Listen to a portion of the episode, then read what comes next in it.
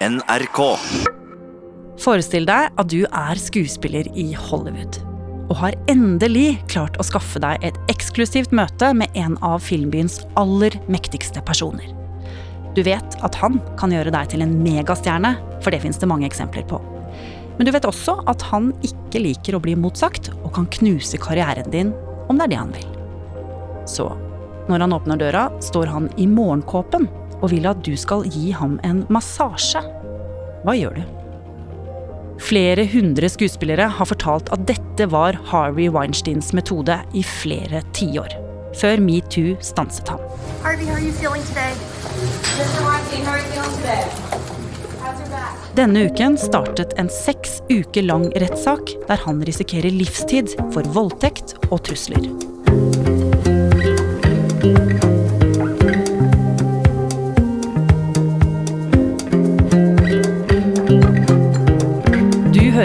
Oppdatert. Jeg heter Ragna Nordenborg.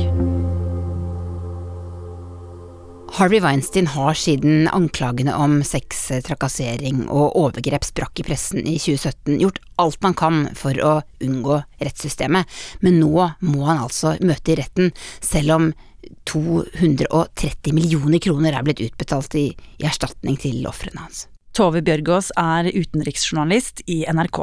Hele USA, og kanskje hele verden, følger nå med på denne rettssaken som starter, og her er det to kvinner som anklager Harry Weinstein, én for voldtekt og én for at han skal ha tvunget henne til oralsex. Mm. Det er jo egentlig det ultimate fall for en filmmogul, en av de mektigste mennene i hele Hollywood. Eh, I denne rettssaken så skal det blottlegges hvordan han kunne gjøre hva han ville. Han kunne herje med damer, han kunne bestemme hvem som skulle få roller. Han hadde så mye makt at folk ikke turte å si eh, nei til ham. Og, og han satt på toppen av en ukultur som preget showbiz i Hollywood i, i årtier. Harvey Weinstein har jobbet innen showbiz helt siden 70-tallet. Han kommer fra New York og tjente sine første millioner på å sette opp store rockekonserter med bl.a. The Rolling Stones sammen med den yngre broren sin, Bob. Etter hvert startet de filmselskapet Myra Max, oppkalt etter foreldrene Miriam og Max, som fikk enorm suksess på 90-tallet. De hadde filmer som Shakespeare in Love, Sex Lies and Videotape og ikke minst Quentin Tarantinos Pulp Fiction. Whose motorcycle is this? It's a chopper, baby. Whose chopper is this? Zed's. Who's Zed? Zed's dead, baby. Zed's dead. Filmer som ikke bare vant mange priser, men også gjorde Harvey Weinstein og broren søkkrike og vanvittig mektige i Hollywood. Thank you, Harvey Weinstein. Absolutt alle ville jobbe med dem, for alle visste at om du fikk jobbe på en Weinstein-film, så kunne det bli startskuddet på en stor filmkarriere. I want to thank Harvey and Bob Weinstein. Thank Harvey Weinstein. Especially Harvey. Harvey Weinstein. Harvey first took me on 20 years ago. Akkurat som for Uma Thurman, Gwyneth Paltrow og mange, mange flere. Men Harvey Weinstein fikk også etter hvert mange mektige politiske venner som trengte vennskapet og pengene hans. Hollywood, og de som befinner seg der, sitter jo på enorme eh, pengesummer. Og det vet politikerne i USA, og ikke minst demokratene. Og, og for eksempel Bill og Hillary Clinton, og også Barack Obama, eh, fikk masse penger fra Harvey Weinstein og hans kontakter til sine valgkamper. Og han hadde også kontor i i New York. Eh, Miramax hadde også et stort kontor der, og han drev en masse veldedig arbeid og, og var veldig aktiv i sånne fundraisere foran eh, presidentvalgene i USA, eksempel. Eh, og, og, og kanskje den Kanskje sammen med Jeffrey Katzenberg, en annen kjent Hollywood-mann, den som var mest politisk, da. Alltid på demokratisk side. Dette var jo oppsida hans. Altså, mange beundret han, han hjalp mange fram. Han kjente politikere som trengte hans penger. Hva med skyggesiden hans? Det begynte å gå rykter eh, allerede rundt 2015 om at det var kvinner som hadde anklaget ham for å misbruke makta si. I 2015, eller egentlig i, allerede i 2014, så begynte politiet i New York å etterforske, gjøre noen undersøkelser av anklager en italiensk modell hadde rettet mot Weinstein. Eh, og de forsøkte da å bygge en sak mot han. Denne modellen hun fikk til med satt på seg en sånn avlyttingsmikrofon eh, da hun gikk for å møte eh, Weinstein for å se om, om på en måte han ville ja, hun skulle konfrontere han da med, med, et overgrep hun sa han hadde gjennomført sist de møttes.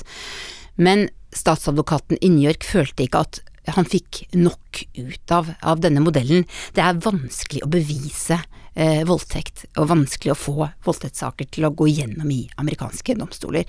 Så saken mot eh, Weinstein ble altså henlagt i 2015, og det ble heller ikke skrevet noe særlig om dette den gangen. Så Harvey Weinstein fortsetter å lage film, gå på rød løper og ha private møter med unge kvinnelige skuespillere. Det er ennå flere år til metoo skal stanse oppførselen hans for godt. Now to the latest on Harvey Weinstein. The New York Times reporting allegations by numerous women who say the Hollywood mogul sexually harassed them. His alleged victims over nearly three decades include stars like Ashley Judd and Rose McGowan. 5. oktober 2017 så publiserer The New York Times en artikkel med tittelen 'Harvey Weinstein betalte ofre for seksuelle overgrep i flere tiår'. I denne artikkelen så, så, skriver avisen om noen av dem som Harvey Weinstein skal ha misbrukt, og fem dager senere så publiserer nyhetsmagasinet The New Yorker en kjempelang artikkel med de mest rystende historier om hvordan denne filmmogulen rett og slett har oppført seg som en gammel gris i flere tiår. Hva er det de beskriver?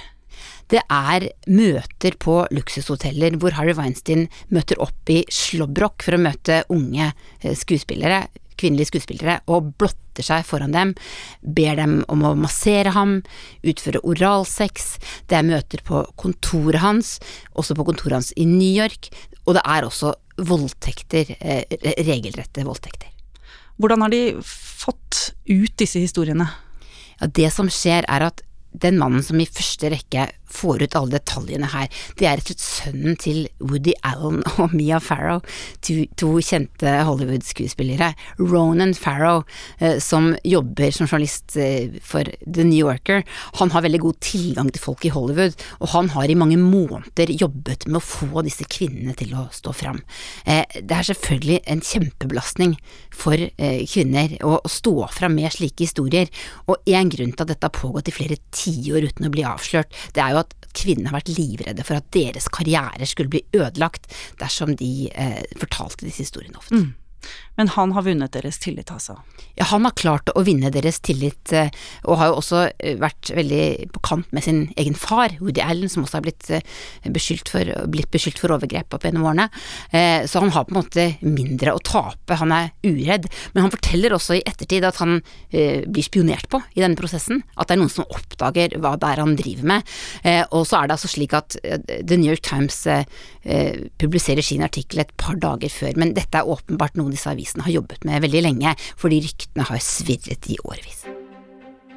Vi snakker jo om Mr. Hollywood her. Hvordan reagerer folk på disse artiklene? Med avsky. Og noen av de første som reagerer, det er jo liksom de, de, de, litt eldre, de mektige kvinnene i Hollywood som ikke har så mye å tape. Meryl Streep for eksempel er forferdet. Judy Dench er rasende. President Obama er sur. Han må også komme ut, for han har også fått masse penger fra, fra Harry Weinstein opp gjennom eh, årene. Og så eh, produsentkollega Jeffrey Katzenberg, en annen svært mektig mann i Hollywood, kaller Harry Weinstein for et monster. Og Weinstein selv, hvordan reagerer han? Han eh, nekter for anklagene, sier han skal saksøke New York Times og The New Yorker, sier at han har gjort masse for kvinner i Hollywood, at han har gjort, gjort masse for å løfte kvinner i film, og, og nærmest eh, ja, framstått som en slags feminist for kvinner i, i film. Han bruker mediene rett og slett og går til motangrep alt han kan. Men så, den 15. oktober 2017 Ti dager etter de første avisartiklene bestemmer skuespiller Alissa Milano seg for å gjøre noe. Hun tar opp telefonen og skriver på Twitter. Hvis alle kvinner som har blitt seksuelt angrepet eller misbrukt skriver metoo i statusen sin, da vil kanskje folk få inntrykk av hvor stort dette problemet egentlig er. Det blir jo en revolusjon. Rett og slett. Og slik blir Harvey Weinstein, som da er 65 år, selve symbolet på den grisete maktmannen. Han som bruker makten og stillingen sin til å tafse på, misbruke og utnytte kvinner seksuelt. Kvinner som ikke tør å si fra fordi de er redde for sin egen karriere. På få dager forvandles Harvey Weinstein fra å være kongen av Hollywood til å bli noe som ligner på en sykdom som alle gjør alt det de kan for å bli kvitt. Først blir han sparka fra styret i Miramax, så mister han jobben, han mister kona, han blir sendt på sexavvenning. Eh, veldig, veldig mange, alle kjente personer i Hollywood, fordømmer ham. Broren hans, som han har drevet dette selskapet sammen med venner om ryggen. Han er rett og slett ferdig i Hollywood. Og på Oscar-utdelingen i begynnelsen av 2018 er ikke Weinstein å se noe sted. Eh, jeg reiste til Los Angeles for å dekke den utdelingen, og jeg husker at jeg leide en sort kjole, for sikkerhets skyld. Noen uker før så hadde det vært Golden Globe-utdeling, og da stilte samtlige kvinnelige stjerner i, i svart. Hvorfor det? For å markere hvor opprørte de var, og hvor mørkt dette året var for Hollywood. Og alle lurer på hva som blir sagt fra scenen. Oscar is 90 years old tonight, which means he's probably at home right now watching Fox News. Oscar is the most beloved and respected man in Hollywood, and there's a very good reason why. Just look at him. Keeps his hands where you can see them, never says a rude word, and most importantly, no penis at all. He is literally a statue of limitations. And that's kind of men we need more of in this town. Hva er det komikeren Jimmy Kimmel gjør? Han gjør jo rett og slett narr av han som var Hollywoods mektigste mann, ved å beskrive Oscar-statuetten, som vi alle har sett denne gullstatuetten som ikke har hender, og heller ikke noe, noe kjønnsorgan. Og det er kanskje best at man ikke har i, i Hollywood hvis man er mann, mener Jimmy Kimmel, da, etter det vi har opplevd de siste månedene. Men for Weinstein så var jo dette egentlig bare begynnelsen da på, på et potensielt fall, da. Hvordan gikk det med etterspillet? Ja, han fikk jo da et ras av anklager mot seg, og, og mange av dem altså saksøkinger. Utgangspunktet var 90 anklager om seksuell trakassering og 14 anklager om, om voldtekt. Mange av dem fra nokså kjente damer. Så starter da Harvey Weinstein kampen for seg selv, han vil ikke havne i fengsel, og i årevis, også før dette ble avslørt, så har han brukt det det er rikelig av i Hollywood, nemlig penger, til å betale seg ut av alle disse overgrepene sine. Han har betalt millioner av dollar til kvinner i mange år for å få dem til å, å holde kjeft. Og dette ender da i desember eh, i fjor med et kjempestort forlik hvor bortimot 30 kvinner får utbetalt til sammen 230 millioner kroner i erstatning. Så han bruker samme oppskriften denne gangen også? Ja, han er en mann som er vant til at man kan betale seg ut av ting, og, og penger har han alltid hatt rikelig av. Men hvorfor vil de ikke kjøre rettssak? Hvorfor aksepterer de å bli betalt? Jeg tror det er to viktige grunner til det. Den ene er at selvfølgelig mange er redde fortsatt for å stå fram. De ønsker ikke navn og bilde og, og, og få forstyrret sine karrierer av uh, disse sakene. Vi har sett eksempler også på skuespillere som har vært veldig offentlige her. Eksempel en som heter Rose McGovern, som ikke har gått så veldig bra med karrieren til uh, etterpå. Uh, men en viktig grunn til at mange sier ok til dette forliket, er også at det er veldig vanskelig eh, å, å, bevise disse overgrepene, fordi mange av dem skjedde jo for 10-15-20 år siden. Det er vanskelig å bevise en voldtekt som skjedde for 20 år siden, du, du, du har ikke fysiske bevis. Eh, og Harvey Weinstein har eh, selvfølgelig noen veldig, veldig dyktige advokater, så, så også domstolene eh, har, har, har, ment at det er ikke noen, noe vits i å forsøke å å ha kriminalsaker rundt en del av de tingene som kvinner har anklaget Weinstein for. Weinstein appeared in court in New York Monday, hunched over and leaning on a walker. The 67 year old is on trial there for allegedly sexually assaulting two women.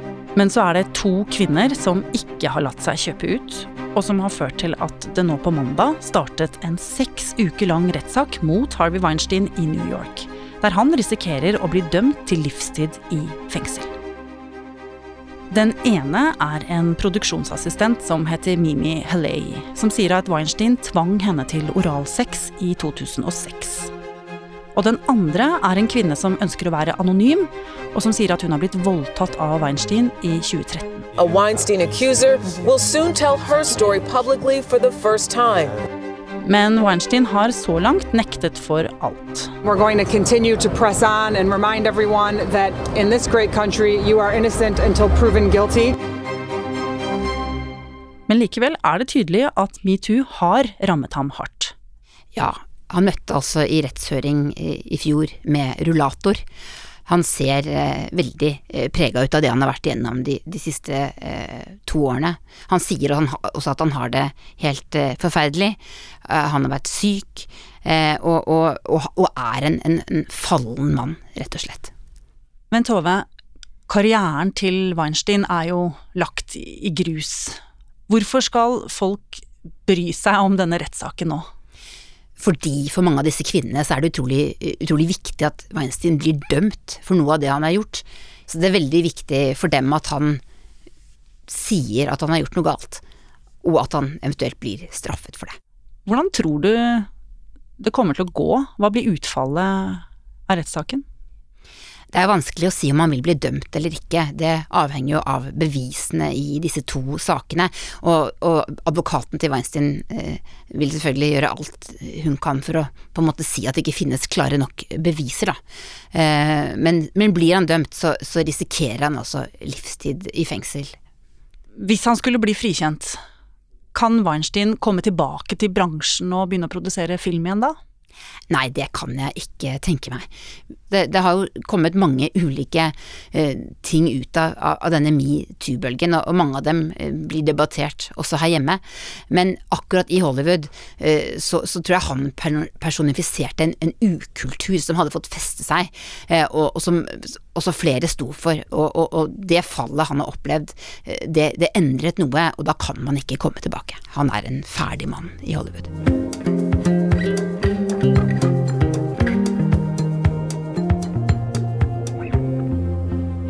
Alle snakker om det elendige forholdet mellom USA og Iran om dagen.